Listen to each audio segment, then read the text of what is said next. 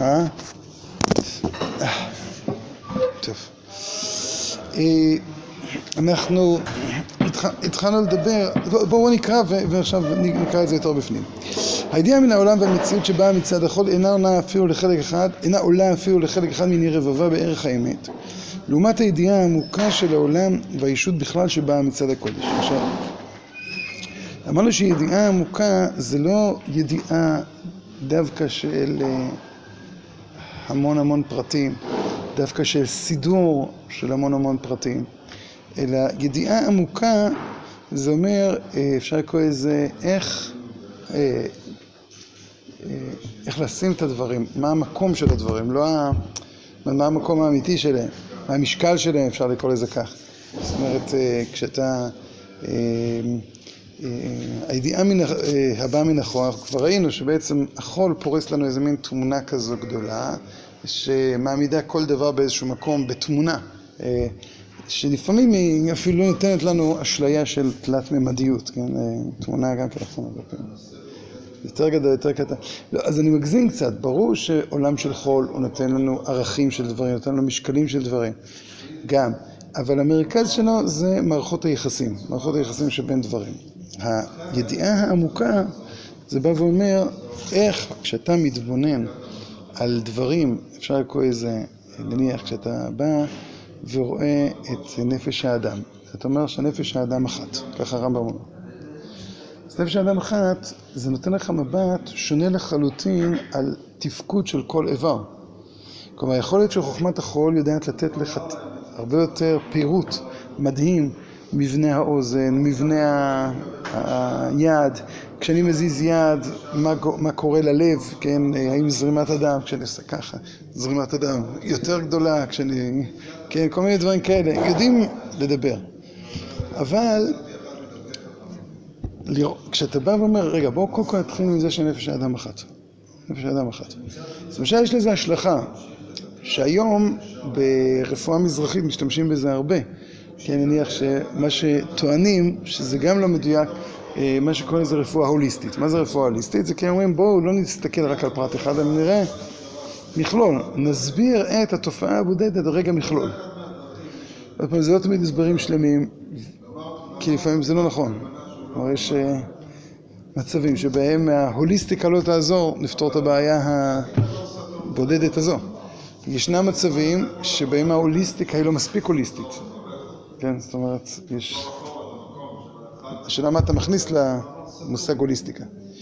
עכשיו, אבל זה מבט אחר זה מבט אחר.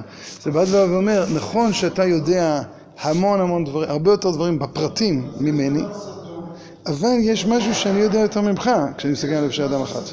אני בא ואומר, שאני לא, שהמשקל של תופעה, המשמעות של תופעה, המהות של תופעה הוא שונה לחלוטין כן, אז זה נקרא הידיעה העמוקה מצד הקודש. כי אמיתת המציאות והיש הגמור של הכל בא רק בהיות הכל בא מצד ההופעה האלוקית. כלומר, אתה מסתכל, אפשר לקרוא לזה מלמעלה למטה ולא מלמטה למעלה. אתה בא ואומר, יש נקודה שקוראים לה הכל והכל הזה עכשיו הולך ומתגלה כן, בעוד תופעה ועוד תופעה ועוד תופעה. עכשיו כשאתה מבודד אז באמת אתה לא תמיד יכול להבין. כשאתה בא ומבודד ואתה אומר, אני עכשיו רוצה לבדוק את התופעה הזו עצמה. אני יכול לתת לה סיבה כזו, סיבה כזו, סיבות קרובות וזה גם חשוב לתת סיבות קרובות זה לא תמיד, לא כל דבר צריך להסביר. היה פעם סיפר איזה איש חינוך גדול אחד שפעם התקשר אליו הורה מודאג ואמר שהבן שלו מגלה נטיות אפיקורסיות. שואל אותו בן כמה הילד? אז הוא אומר בן חמש. וואו, בגיל חמש כבר הרהורי כפירה זה לא פשוט. אתה רוצה לראות את ה... לא יודע, את ה... את המורה נבוכים של הדור הבא? אז הוא אומר, מעניין אותי לראות מה... איפה... קיצור, הוא מתחיל לתחקר את האבא. מה התברר? אז הסיפור הוא כזה הילד הלך עם האבא לים והוא שאל את האבא מי עשה את הים? אז מה התשובה מי עשה את הים? הקדוש ברוך הוא ואז הילד כזה מסתכל אבא ומי באמת עשה את הים? אז הוא הבין שהוא אפיקורס. מה זה מזמין באמת? מה התברר? שבוע, שבועיים קודם, אה, הולכים ורואים איזה בניין שהולך ונבנה. אז הוא שאל את האחים הגדולים שלו, מי, מי בנה את הבית הזה?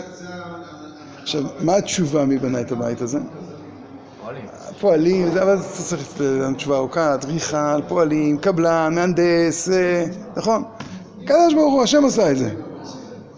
עכשיו, מה הוא רואה? הוא רואה שפועלים עושים את זה. מה עונים לו? השם. אז עכשיו פעם הבאה שהוא רואה ים, אומרים לו השם, אבל הוא יודע שפעם קודמת מי עשה את זה באמת? הפועלים. אז לכן אתה צריך גם לדעת לתת תשובות קרובות, לא תמיד תשובות ה... אפילו שהתשובות הרחוקות תמיד הן נכונות, אבל לפעמים הן נכונות, לא יודע, הן לא... הן לא עונות לשאלה, הן לא... אז אני אומר, אותו דבר גם ברפואה, אותו דבר בכל דבר. זה שנפש האדם אחד, זה לא אומר שכל דבר אפשר להסביר עם...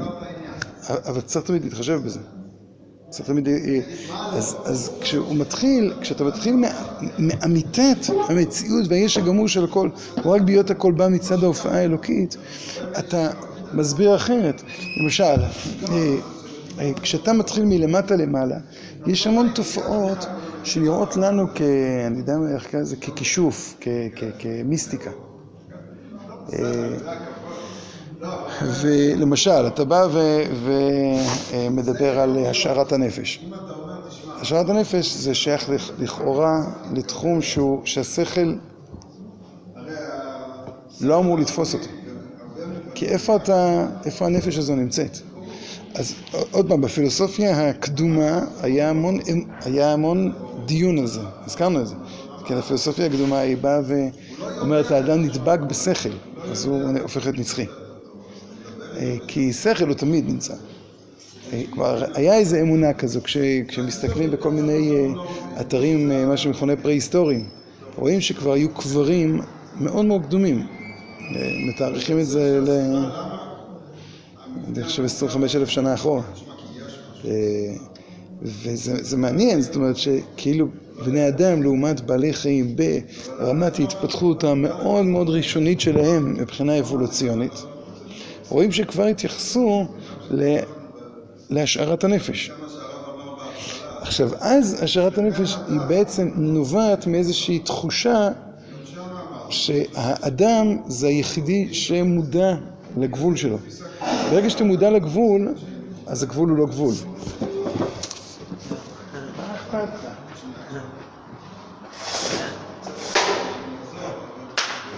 הגבול הוא, כבר לא גבול.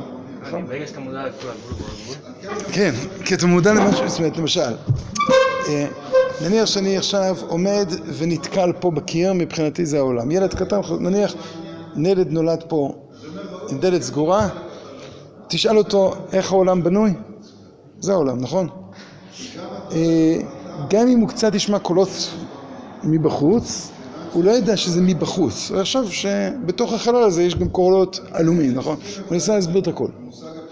עכשיו, אתה כבר יודע שיש מעבר, אז גם אם כל החיים שלך תחיה פה, יש לך יחס למה שמעבר. כן, זאת אומרת, עכשיו, חתול, כלב, בעלי חיים, המוות זה נקודת גבול אצלם, לא מודעת, זה פשוט סיום, נקודת הסיום. לכן למשל, אין אצל בעלי חיים אימת מוות. יש יצר הישרדותי, לא. אף אחד לא רוצה למות. אבל, אבל האבחון כזה של אימת מוות, אם נשאל פסיכולוג של כלבים, יש, יש לנו מקצוע כזה. אז, אז הוא יגיד לך, אין להם אימת מוות, יש להם מודעות. כן, שמעתי לכם שבעלי חיים מחפשים פינה למות. וככה אני זוכר את הכלבה הקודמת שלנו, יש לי טראומה עד היום מזה, כבר שבע שנים, זה ממש נורא ואיום. היא חלתה בסרטן, ואז התלבטנו וזה, אמרו לנו שזה גם אלפי שקלים, כן, לעשות הקרנות, כי אין כזה דבר ביטוח רפואי לכלבים, וגם לא בטוח שזה יעזור, וגם זה סבל תוך כדי. אז אתה צריך לשקליל. האם אתה רוצה לקחת סיכון, אז זה יותר בעצם בשבילך מאשר בשבילה, כי לך תהיה נוסטלגיה. טוב, אז השארנו אותה ככה, ועד שיום אחד ראיתי אותה מתחילה לחפש פינה. הבנתי ש... שזה, כאילו, אתה פשוט רואה, רואה איך מתחיל לנסות לברוח ולחפש איזה פינה לשכב. אז אמרו לי, זה פחות או יותר האות. אז נסענו לעשות לה המתת חסד כזה, כאילו, לפחות לא תסבול ברגעים האחרונים. אבל, וזה איזה טראומה, כי אתה... אנחנו שלא תדעו כזה דבר. אפילו שזה רק כלב, זה, זה, לא, זה לא נעים בכלל, הדבר. אבל אין להם אימה, אין להם אימה, הם לא יודעים לקראת מה הם הולכים. אומרת, לנו כשיש לנו את הגבול הזה, ואנחנו מודעים לזה, זה אומר שמבחינת הנפש האנושית יש איזו תחושה ש... של התקוממות כנגד הגבול. שזה לא ייתכן. הלא ייתכן הזה מביא לכל מיני אמונות, מלא אמונות, זאת אומרת, לכן אתה כשאתה מסתכל בהמון אלילויות, יש המון המון, המון המון דיון על התחנה הבאה. אה, עכשיו, אבל כש, כשאתה מתחיל באמת מלמטה, כלומר אתה עומד מול הגבול, אז המעבר לגבול הוא, הוא תמיד יגיע ברמה כזו או אחרת לסוג של מיסטיקה. זאת אומרת, משהו ש, ששכל רציונלי הוא, הוא, הוא לא מסוגל לפענח, הוא יבוא ויטען שזה, איך נקרא לזה, עידון פסיכולוגי לאימת המוות, משהו כזה. אבל זה לא, זה לא שיש באמת משהו. אתה קורא את המיתולוגיה המצרית, המיתולוגיה, כן, יש תמיד סיפורים כאלה על מה שקורה אחר כך. לעומת זה, אם אתה מתחיל מהכל אל המציאות שלנו, אז אתה אומר בעצם, התפיסה המוגבלת שלי, היא, נקרא לזה, היא הבעיה, היא לא הפתרון. כלומר, התפיסה שלי היא לא בעיה, התפיסה המוגבלת שלי היא מראה תמיד באמת חלק מתמונה, זה, זה תפקידה להראות חלק מהתמונה. זה לא אומר שלאדם אין יכולות להיות קשור לתמונה שלמה יותר, לתמונה אה, מקיפה יותר. אה, אז, אז ממילא התמונה שאתה מסתכל עליה היא תמונה נכונה בגבולותיה. אבל אתה צריך לדעת את גבולות התמונה הזאת. כשאתה בא ומנתח, אה, אה, אה, כן, במדע את העולם, המדע הרבה פעמים משוכנע שהוא, שהוא במקום לשרטט את גבולות איך העולם בנוי, הוא מנסה לשרטט גבולות של מה מהות העולם. ו- וזה לא מה מהות העולם, זה איך העולם בנוי. כן, כשש... הרבה פעמים כששואלים למה, זה בעצם שואלים איך הדבר מתבטא. למה הג'ירפה יש לה צבא ארוך, זה, זה מה המשמעות של צבא, מה, מה, מה, מה מרוויחים מצבא ארוך. זה לא אה, למה, למה לא יודע למה. למה ולמה זה אותו דבר? למה זה בעצם אמור להיות יותר למה. לשם מה? כן, אנחנו, אנחנו משתמשים בביטוי למה, וזה קצת מטעה אותנו, הרבה פעמים. ואתה צודק שבדרך כלל במדע צריך לשאול לשם מה, מה התפקיד של זה. אז, אז uh, uh, uh, התפיסה הזו, אז עוד פעם, uh, זה לא אומר שאין מיסטיקה. צריך, uh, כן, לדעת מתי זה מיסטיקה, מתי זה לא מיסטיקה, או מה אנחנו קוראים מיסטיקה. אבל הידיעה היא ידיעה אחרת, היא ידיעה שהיא ממקמת במקומות אחרים את, ה, את העולם. כי אמיתת המציאות והיש הגמור של הכל הוא בא רק בהיות הכל בא מצד ההופעה האלוהית, מצד הסתעפות חיים וישות ממקור החיים והיש, כן? אנחנו עוד מעט, לא יודע אם היום, אבל נראה פסקה מקבילה לזה. שכל מה שמתגלה בתור עולם והוויה הוא רק כן צל קלוש לגבי ישות התורה והדירה שמקור עליה. אז עכשיו, צל קלוש זה מה שאמרנו, זה בעצם השיא שהביא אותנו עמנואל קאנט. שבעצם מה שהאדם מסוגל לקלוט זה צל קלוש. אבל כשהוא בא בצל קלוש של מה? זאת אומרת צל קלוש של העולם. ומה זה העולם? הנברא. הרב קוק בא ואומר, כן, זה צל קלוש של ההסתעפות של חיים ממקור הכל. זאת אומרת, זה שבאמת, נקרא לזה הרציונליות האנושית נהייתה בעלת ענווה באיזשהו שלב, ובאה ואמרה, באמת, אני לא, אין לי מגע עם האמת כפי שהיא, אלא יש לי מגע עם השתקפויות, עם צללים של האמת, זה מעמיד את ה... את האדם בעמדה ש... שהוא הרבה יותר פתוח להבין שהרציונליות זה רק שפה אחת. אני אביא דוגמה נוספת מעולם הפילוסופיה. אה, אחת הבעיות שהעסיקו דווקא עוד פעם בפילוסופיה החדשה מדקארט ואילך זה הבעיה הפסיכופיזית. הבעיה הפסיכופיזית זה היחס שבין הגוף לנפש, שזה פלא גדול מאוד שמאוד מאוד לא מובן. איך זה יכול להיות ש... אה, יודע מה, אה, כאב יוצר הרגשה של כאב. אני מרגיש שכואב לי. אדם אומר, אני מרגיש לא טוב. ההרגשה נמצאת, לא יודע, פה, בפסיכולוגיה, כן? והסיבה להרגשה הזו זה חום, זה פצע. אדם חווה כאב, ופתאום שק הדמעות שלו נפתח. מספרים לאדם משהו מצחיק, ואז פתאום השפתיים שלו נמתחות באופן בלתי רצוני. עכשיו, איך זה קשור? כן, מה, כן, מה גרם לזה, לדבר הזה? אז, אז לזה קוראים הבעיה הפסיכופיזית. דקארט, כשהגיע לזה, אמר, זה, פה נגמרת הפילוסופיה. אין לפילוסופיה מה להגיד על זה. זה סתירה מובנית, או, או זה קשר, קשר שאנחנו לא נצליח.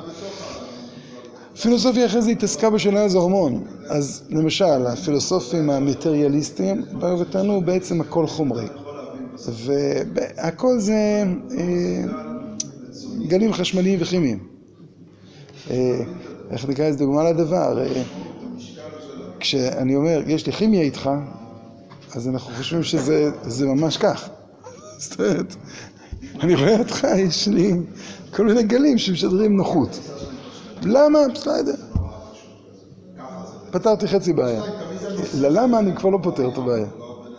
אפשר לתת לזה עוד מיליון וחצי סיבות למה. אה, הפילוסופים האידיאליסטים טענו הפוך. הכל רוח, הביטויים החומריים זה אשליה, בעצם הכל היה רוחני. זה כמו בעליזה בארץ הפלאות, החיוך של החתול כשהוא נעלם. נכון, בסוף בסוף נשאר רק החיוך. זה אומר, כאילו, הביטויים החומריים זה, זה ממש לא הסיפור, כל זה רוחני. אה, היו, היה גישה נקראת פרלליסטית, שיש, נניח יש לי שני שעוני עצר שפועלים אותו דבר, ושני אצנים שיצאים בול אותו דבר. אין קשר ביניהם, אבל משום מה זה עובד. כאילו, תיארו את זה, שבאמת, באמת כאילו חזרו איכשהו לדקארט, וניסו לתת הסבר. אז מה ההסבר הוא? מה? נכון, אבל זה נותן... כן, אבל זה נותן איזה מין... אה, אה, כאילו, מין הסבר כזה. זה... יש נטייה כזו בעולם, זה... אה, קאנט אמר על האמת, אבל... במובן מסוים, נכון. לא מבינים כלום, אבל זה מצליח. נכון, בדיוק. אבל הנקודה היא שצריך לא להאמין תמיד שאתה מסביר כשאתה לא... לא, אני מס- אני מסכים, אני מסכים. אני, האמת שלא מספיק קראתי את המקורות של השיטה, יותר את המובאות של השיטה הזו. וניסיתי להבין, אבל מכמה כמה שמצטטים את זה, לא... במאה ה-20 קצת העולם, איך לזה, נפתח. אם תקראו למשל חוברת אה, מקסימה של אה, אה, טיילור בשם מטאפיזיקה, פילוסוף אמריקאי די פופולרי, או חוברת פופולרית כמו גוף ונפש של האוניברסיטה המשודרת של ישעיהו ליבוביץ'. ישעיהו ליבוביץ', כן, אחד הכישרונות שלו היה, זה, איך נקרא לזה, כישרונות של הסבר מאוד חד. היה לו יכולת מאוד לחדד דברים. אה, נתן אלתרמן במאמר שלו על ישעיהו שאומר שלפעמים הוא כל כך מחדד שאתה כבר לא, לא מבין שום דבר מעבר לחדות. אבל, אבל פה במקרה הוא מצליח ככה. הוא מביא דוגמה, הוא אומר מנוף. מנוף אה, עכשיו מרים אה, את הכובע הזה ומוריד אותו. מה גרם למנוף לה- להניף את זה? אז אתה תבוא ותסביר, יש מערכת שלמה של אה, אה, פעילות חשמלית, נכון? אה, וכוונון, והוא יודע להרים את זה. עכשיו, אני אשאל, היד שלי מה, מה גרם לה? אז מה אני יכול לתת שני הסברים? את הסבר אחד, זה המוח נתן הוראה דרך, נו, אה, אותות חשמל, אותות חשמליים, יש שם, איך קוראים לזה? אחרי זה? עצבים, נוירון, נכון, אה, שרירים ובסוף זה קרה, נכון? הסבר מדויק. הסבר שני, אני רציתי לעשות את זה. איזה הסבר יותר נכון? שניהם הסברים נכונים, נכון? שניהם מבטים על אותו דבר. עכשיו, אה, ומה, ורק המין האנושי יש לו, או המין האנושי, אולי גם בעלי חיים, יש להם את, ה, את שני הדברים האלה. ואז, עכשיו, לעומת טיילור שהוא אמריקאי ויותר בקלות, אה, אם תפתחו פעם את הסרט הזה, מה שאני אומר לכם עכשיו, הוא מתפתל שם באיזה שניים, שלושה עמודים. ש... אומר, רציונליות זה לא הכלי היחידי לתפוס את האמת. רציונליות זה אחת, אחת האפשרויות. חלילה, זה לא שמבטל את הרציונל, אבל יש גם מה שנקרא פגישה בלתי אמצעית. יש דברים שאנחנו חווים אותם בצורה בלתי אמצעית. אנחנו יודעים שזה ככה, והיות וזה כל כך ככה, אנחנו לא יכולים לעמוד מבחוץ ולהסביר את זה, את הבעיה הפסיכופיזית. זה, אה, הוא טוען שזה לא ככה, אני חושב שזה מה שכותב הרמ"א. יוצר, רופא כל בסדר מפליא לעשות, אומר הרמ"א שקושר רוחני בגשמו. פלא זה לא כמו דקארט, סוד אלוקי אני לא מבין, זה מחוץ לדיון שלי. פלא פירושו של דבר יכולת להיפגש בצורה אחרת. כשאתה עומד מול משהו ואתה אומר, זה לא אומר שלא נפגשת, זה אומר שנפגשתי ועכשיו אני לפעמים מנסה להסביר לעצמי את זה בכלים אחרים. לפעמים אני מצליח, לפעמים לא מצליח. כן, אנחנו כל, כל אה, בוקר אומרים עושה פלא יותר מפעם אחת. מה זה עושה פלא? קריאת ים סוף, זה פלא. נהדר. הקדוש ברוך הוא הרגיל אותנו שיש לנו כמה מבטים על המציאות. עכשיו, האם נס זה מיסטיקה? לא, נס זה פלא. נס זה אומר, יש לך ערוצים אחרים של תקשורת עם המציאות. אתה יכול לפתוח אותם, השאלה מתי זה טוב. כל האומר הלל בכל יום, חז"ל אומרים זה מגונה. הכל ניסים. לא, אז אומרים, מה אומרים? אתה יכול לפתוח את הערוץ הזה, אבל לא, לא תמיד צריך לפתוח את הערוץ הזה. כן, כמו שאומר, בית, תגיד, השם עשה, זה לא הסבר נכון, זה מגונה. יש אה, דברים יותר פשוטים. אה, יבוא אליך בן אדם חולה, ויגיד, טוב, תעשה תשובה, מותק. לא בשביל זה אתה רופא. כן, אה, תעשה משהו עם. עכשיו, אז עוד פעם, למה אני מדבר על מיסטיקה? כי מיסטיקה הרבה פעמים יש לנו, יש הרבה פעמים אנשים שמאוד מאוד אוהבים קיצורי דרך בחיים. וכשמיואשים מעבודה קשה, אז מתחילים קיצורי דרך. הייתה תקופה כזו אחרי ההתנתקות, למשל מגוש קטיף, אז היה המון מיואשים כזה, אז החליטו יאללה בואו נחלק נרות שבת לכולם, ונניח תפילין לכולם ויהיה בסדר. וכאילו אתה בא ואומר, אני רוצה, אני רוצה שכולם יגיעו, נקרא לזה במרכאות לתוצאה, ואז הכל יהיה בסדר. להבין שצריך לעבוד קשה, אני חושב, אה, הארי פוטר, אתם מכירים? כזה. אז אני זוכר שזה התחיל לצאת בארץ בתרגום, זה מאוד ריתק את הילדים שלי, וזה מאוד עניין אותי. ומה... אומרים שהיא החזירה את חוויית הקריאה לעולם. שחוץ מהתנ"ך זה הספר הכי נמכר בעולם. משהו כזה, כן, זה מטורף. כשאתה מסתכל, אתה קורא את זה, זה מרתק לחשוב למה. נכון? זה מאוד מרתק לחשוב, מה יש בספר? מה הקסם של הספר הזה? זה לא הקסם. נכון, לא, זה לא הקסם של הספר הזה, כי יש לך עוד, יש לך ספרים, יש לך ספרים הרבה יותר קסומים אפילו, כמו, נו, אני אפילו לא הצלחתי לשרוד אותו, ההוביטים. לא הצלחתי לשרוד, אני לא... אבל מה, מה, אני, אני חושב ש, שזה שני דברים. מלבד הכישרון העלילתי וזה, היא באה ואומרת לך, תקשיב, אל תחיה באשליות. קסמים זה אותו דבר, גם שם צריך לעבוד קשה. נכון, זה ללמוד, זה לא... אתה חושב שזה מין עולם אלטרנטיבי ששם... שם הכל יהיה בסדר? לא, לא. זה עולם אלטרנטיבי, אבל גם שם יש את, את, את הטוב, אני חושב, אני חושב שאגב היא עשתה משהו מאוד חשוב, זה לעומת הפוליטיקלי קורקט, היא באה ואמרה שיש אנשים טובים ויש אנשים רעים. זה לא... אסור להגיד את זה. והיא פתאום יש אנשים רעים בעולם, ויש גם אנשים טובים בעולם. אז זה נכון שהטובים הם לא... לא הכי טובים בעולם. בסוף הרעים לא הרעים הם רעים. הרעים, לא, הרעים רעים, הם רעים. אז הם באמת רעים. נכון. הרעים. עכשיו, יש שם גם, גם משהו קצת נוצרי בספר הזה, אני חושב. בזה שהטובים, מחוץ לאחת אחת נורמלית ובריאה בנפשה, הם לא הורגים. שמת- הם לא הורגים באמת, אם שמתם לב. אה, יש רק אחד שם, אה, אני לא זוכר קוראים לה, נו. האימא של, כל הג'ינג'ים. אה, לה... כן, כן, כן. כן, אז, היא זו היחידה שבמאבקים מוכנה לנצח. כל השאר כזה, זה קורה, משליכים אותו ואז פתאום הוא נופל והוא מת, אה, אה, קורה קסם ואז פתאום אה, הוא מת, נכון? אני לא, לא מוכן לעמוד חזיתית, אני, אני טוב, אני טוב, אני אום. אני, אני מקסימום מגן על עצמי ואז אם. להיות עם, עם עוצמה זה באמת קשה. יש שניים, עוד אחד בעצם, יש שם ההוא שמת באמצע. הסנדק. גרסא דיאנקותא של הילדים שלי, זה לא. לא, אני פשוט, אני זוכר, ישבתי וקראתי, אמרתי, וואי, זה באמת מרתק. אני פתאום מבין מה... אז קודם כל זה מאוד מעודד, יש טוב, יש רע. אבל זה גם בא ואומר, תקשיבו, לעבוד, אין דבר שלא צריך לעבוד. ובסוף בסוף גם לעבוד, על לקרוא ספר אתה צריך לעבוד. כולם אומרים שהסרטים הם פחות טובים מה, מהספרים, נכון? זה...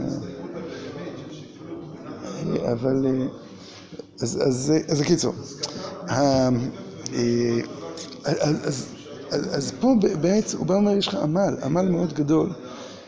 הוא עוד הרבה יותר גדול מהעמל הרציונלי, כי העמל הרציונלי הוא עמל שיש לו, יש לו תקרת זכוכית.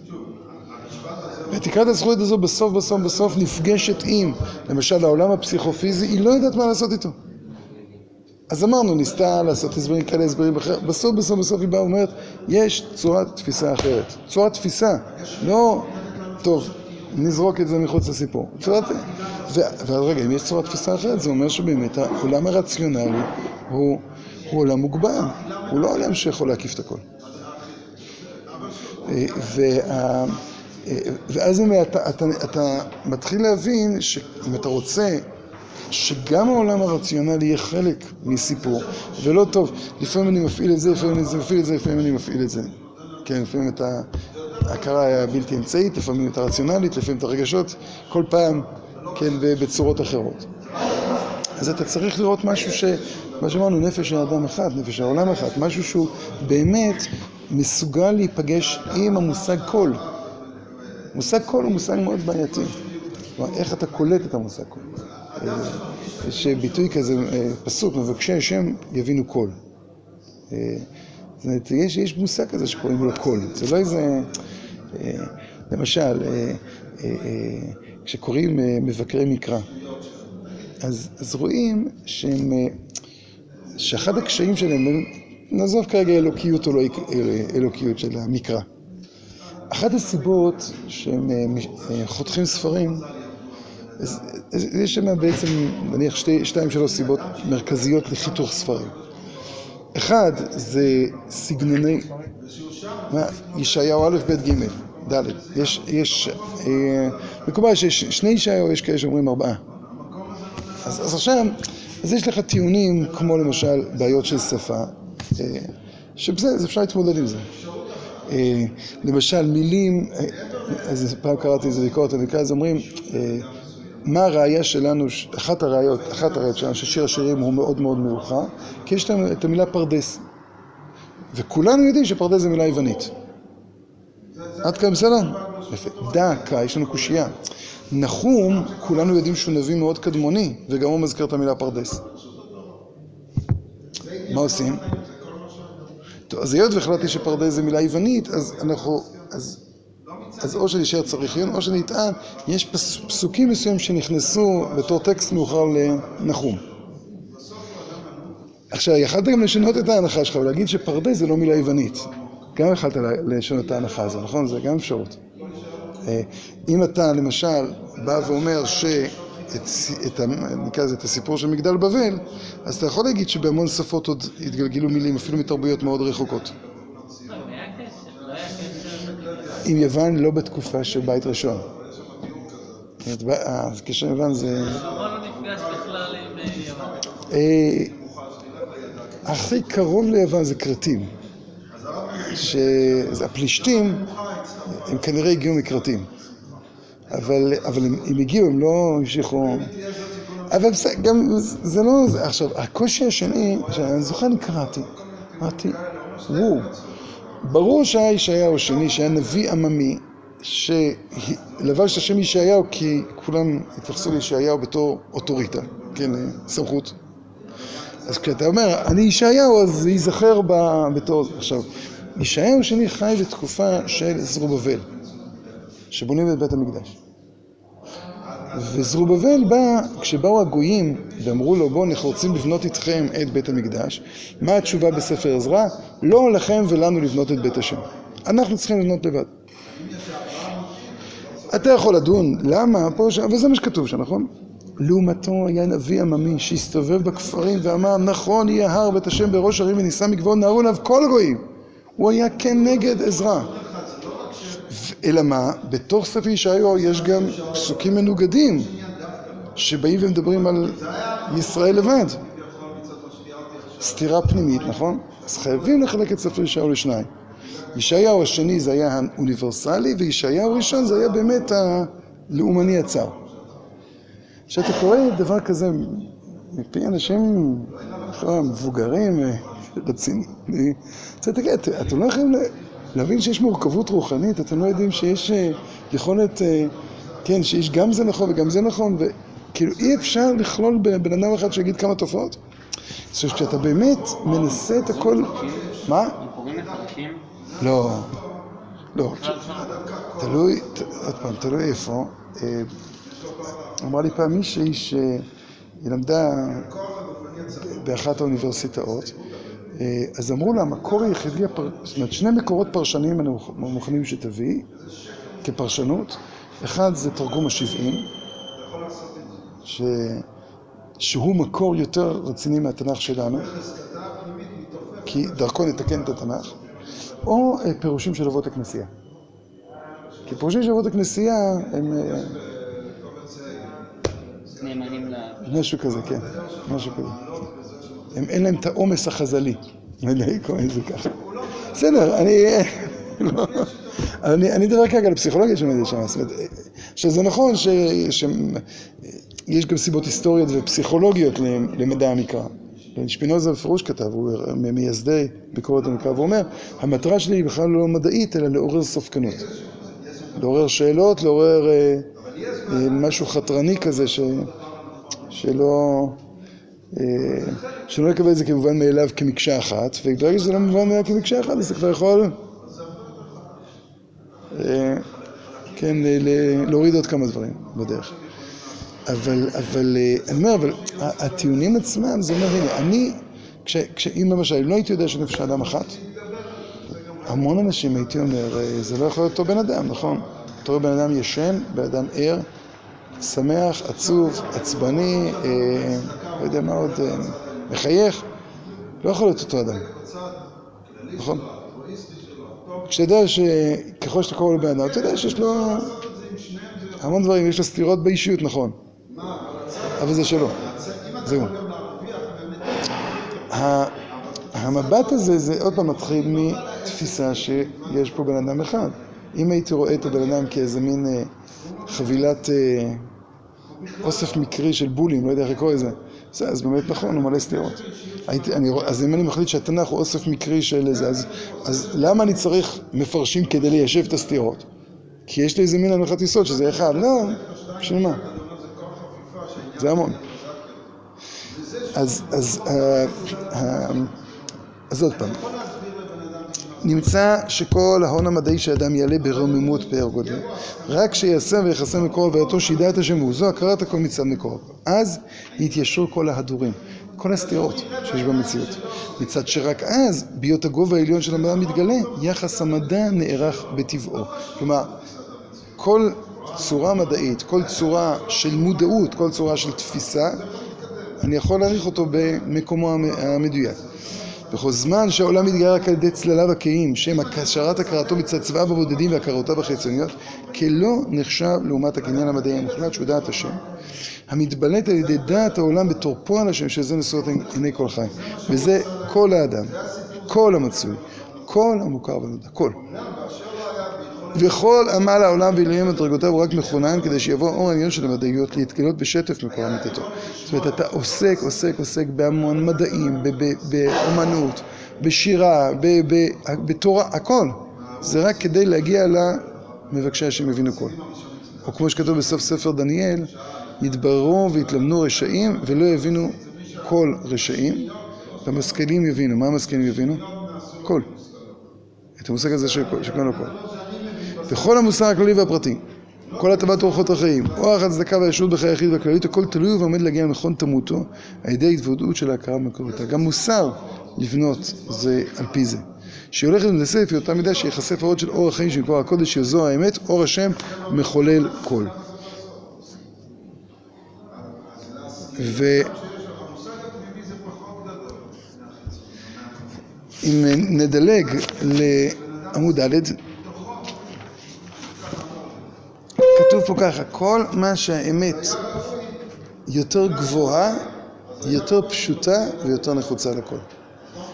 מה פירוש פשוטה? מה פירוש המילה פשטות?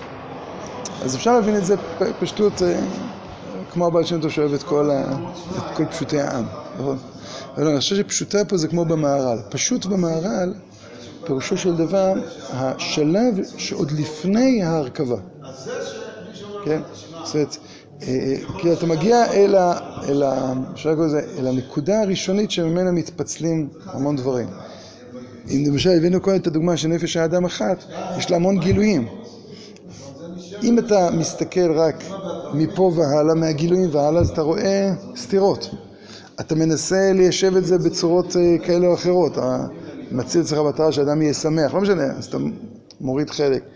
אם אתה בא ומתחיל מנקודת המוצא הפשוטה, אז אתה בא ואומר, הכל זה ביטוי של אותה פשטות. כל מה שהאמת היא יותר גבוהה, היא יותר פשוטה מצד אחד. אה. פשוט, בראשונים יש את הביטוי פשוט. זה מופשט, זה, כבר מניח שיש פער בין הרוחני לגשמי. וכשאני אומר משהו זה עוד, לפני אפילו הפער שבין רוחני לגשמי. זה עוד לפני. מהות, כן. עכשיו מהות, להגיד שמהות היא רוחנית, זה נכון אחרי שיש גשמי ורוחני, אז אתה אומר היא נמצאת ברוח ולא בגוף. אבל זה לא לגמרי נכון. כי גם הגוף הוא ביטוי של מהות שלפעמים ברוח איננה. כן, זאת אומרת, אה, כמו שמשל, כש... הנה, אה, תמיד אומרים שיהודים מדברים עם ידיים, נכון? אה, אז למה אנחנו כל כך הרבה? קראתי שתי עדויות של שני ילדים נפרדים שלמדו בבתי ספר של האס-אס בתור יהודים מוסתרים, אף אחד לא ידע, ואחת הדוגמאות שהביאו להם ליהודים זה איך אתם מזהים יהודים? הם מדברים הרבה עם הידיים. אז אה, שני מתארים, כל אחד זה שבהפסקות תמיהה זה כל הזמן שם את הידיים בכיסים, פחדו שהם יזהו שהם יהודים. זה, כן, זה כמו זה עם הירושלמי ושני האבטיחים. איזה ירושלמי ליד מחנה יהודה. אז שואל אותו איך מגיעים מפה לרחוב פרישמן. אז הוא אומר, שנייה, תחזיק, תחזיק. לא יודע. זה כאילו אתה, פשוט תגיד לא יודע. אז אתה, אתה, אתה, אה, אז אה, עכשיו, למה אנחנו מדברים מהידיים ולא מספיקים זה? כי אנחנו אומרים, האמת היא לא, היא לא יכולה רק להתבטא ברוח. יש גם משהו ש... שזה מוסיף, כן? הדבר הזה מוסיף משהו. אז אותו דבר גם הגוף יש בו משהו שהוא מוסיף למהות, לביטויי המהות. אז המהות היא מופשטת, אבל המהות היא גם יותר מזה, היא פשוטה. זאת אומרת, היא כוללת כל, היא מתגלה בה. אין משהו שהוא לא כולל אותו. אז כל מה שהאמת היא יותר גבוהה, היא יותר פשוטה. כיוון שככל שהיא יותר נמוכה, אז באמת היא כבר סובלת מאיזושהי התרכבות, כן?